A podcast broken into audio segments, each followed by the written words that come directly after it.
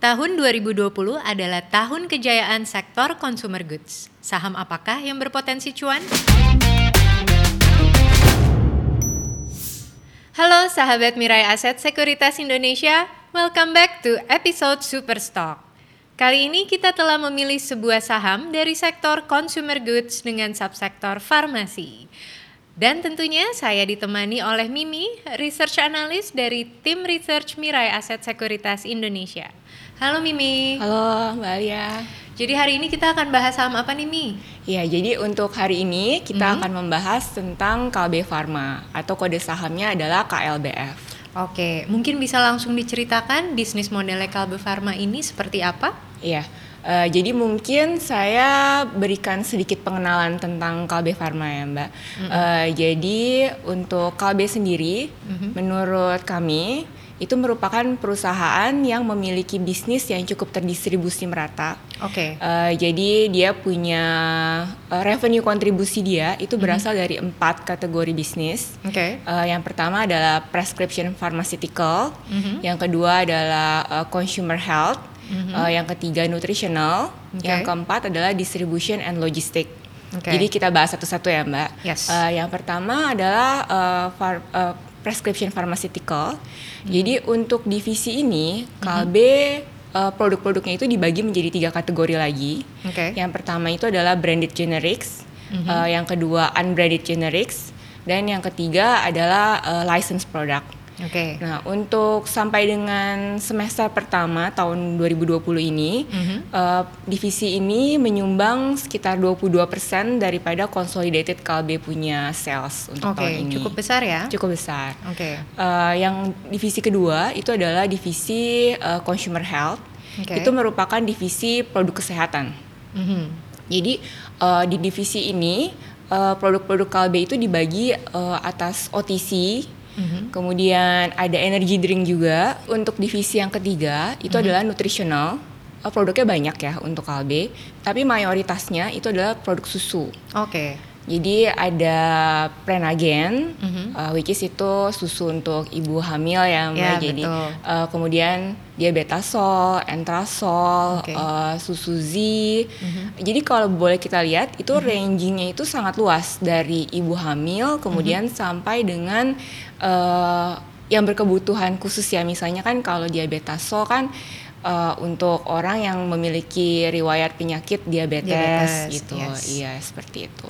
Oke. Okay. Kemudian divisi yang terakhir adalah mm -hmm. divisi distribution and logistic. Mm -hmm. Nah, divisi distribution and logistic ini mm -hmm. uh, itu dikelola oleh anak usaha Kalbe.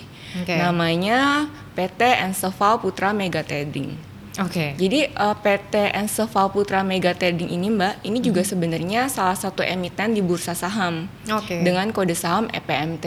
EPMT. Ya. EPMT. Baik. Jadi uh, untuk sampai dengan semester pertama 2020 ini mm-hmm. uh, distribusi dan logistik ini menyumbang kontribusi yang cukup besar untuk okay. KB punya consolidated revenue okay. itu sekitar 32%. Oh, oke. Okay. Baik. Nah, dengan empat pilar strategi bisnisnya Kalbe tersebut, ya, bagaimana sih prospek perusahaan Kalbe Pharma ke depannya? Oke, okay, uh, eh, sampai dengan saat ini uh -huh. kami masih berpendapat kalau kinerja daripada Kalbe Pharma prospeknya masih positif. Oke. Okay. Jadi uh, mungkin ada beberapa hal yang menjadi pertimbangan kami. Uh, yang pertama itu adalah rising health awareness dari masyarakat. Uh -huh. Jadi kalau Mbak Alia perhatikan nih sejak pandemi COVID-19 uh. itu kan masyarakat kan uh, kesadaran akan kesehatannya itu meningkat ya. Yeah. Jadinya mereka cenderung untuk membeli uh, produk-produk kesehatan. Ya untuk menjaga imunitas. Menjaga ya. imunitas. Dan ini jadi momentum yang bagi sekali ya iya. untuk Kalbe Pharma. Oke. Okay. Jadi masyarakat kan cenderung untuk membeli seperti produk-produk obat herbal, mm-hmm. kemudian suplemen, uh, multivitamin. Betul. Dan itu semua menurut kami mm-hmm. uh, bisa menjadi katalis positif mm-hmm. untuk Kalbe Pharma. Oke. Okay. Kemudian uh, yang kedua kita memandang positif uh, KB karena ada kerjasama antara mm -hmm. KB Pharma dengan Genexin okay. untuk mengembangkan vaksin COVID-19. I see. Gitu. Tapi uh, memang uh, sampai saat ini mm-hmm. vaksin tersebut masih dalam tahap uji klinis.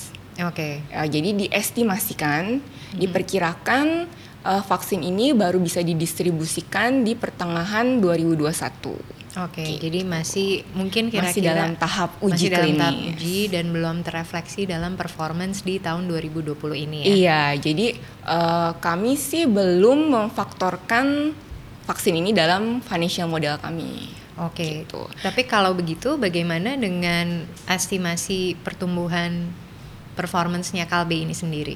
Iya, jadi untuk tahun ini uh, kami masih mengestimasi pertumbuhan revenue dan net profit yang positif sampai saat ini. Uh, kalau kita lihat performa daripada laporan keuangannya Kalbe Pharma hmm. itu untuk revenue dan untuk net profit dalam beberapa tahun terakhir itu pertumbuhannya positif. Oke. Okay. Dan secara overall sampai hmm. dengan saat ini untuk tahun 2020 sendiri kita juga masih mengestimasi kalau revenue dan net profitnya KB bisa bertumbuh secara positif. Jadi tetap ada pertumbuhan ya, Jadi walaupun ada pertumbuhan. di tengah tantangan pandemi ini. Iya. Nah, oke, okay. bagaimana dengan kinerja sahamnya sendiri nih, Mi? Oke, untuk kinerja saham sampai dengan 6 Oktober 2020 ini, Mbak, mm -hmm. uh, sebenarnya kinerja daripada saham KB Pharma itu masih minus 3,4 persen year to date. Year to date, oke. Okay.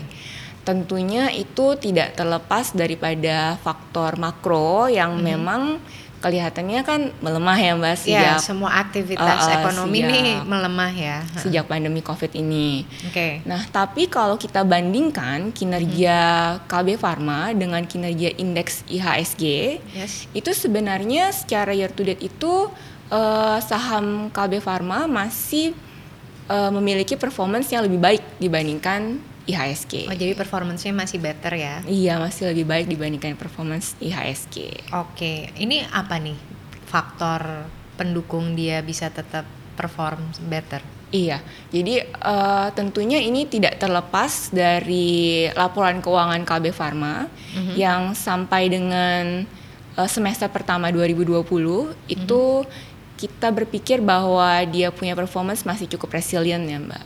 Bagaimana dengan valuasi dan rekomendasi untuk saham Kalbe Pharma ini?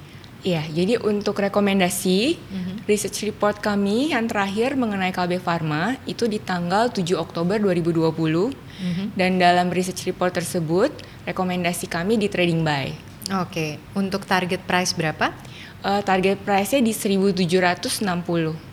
Oke, sedangkan current price saat ini bergerak di 1.500 hingga 1.600 ya. Iya. Jadi memang masih ada ruang untuk potensi up. upside. Terima kasih ya Mimi atas informasinya terkait saham Kalbe Pharma. Sama-sama.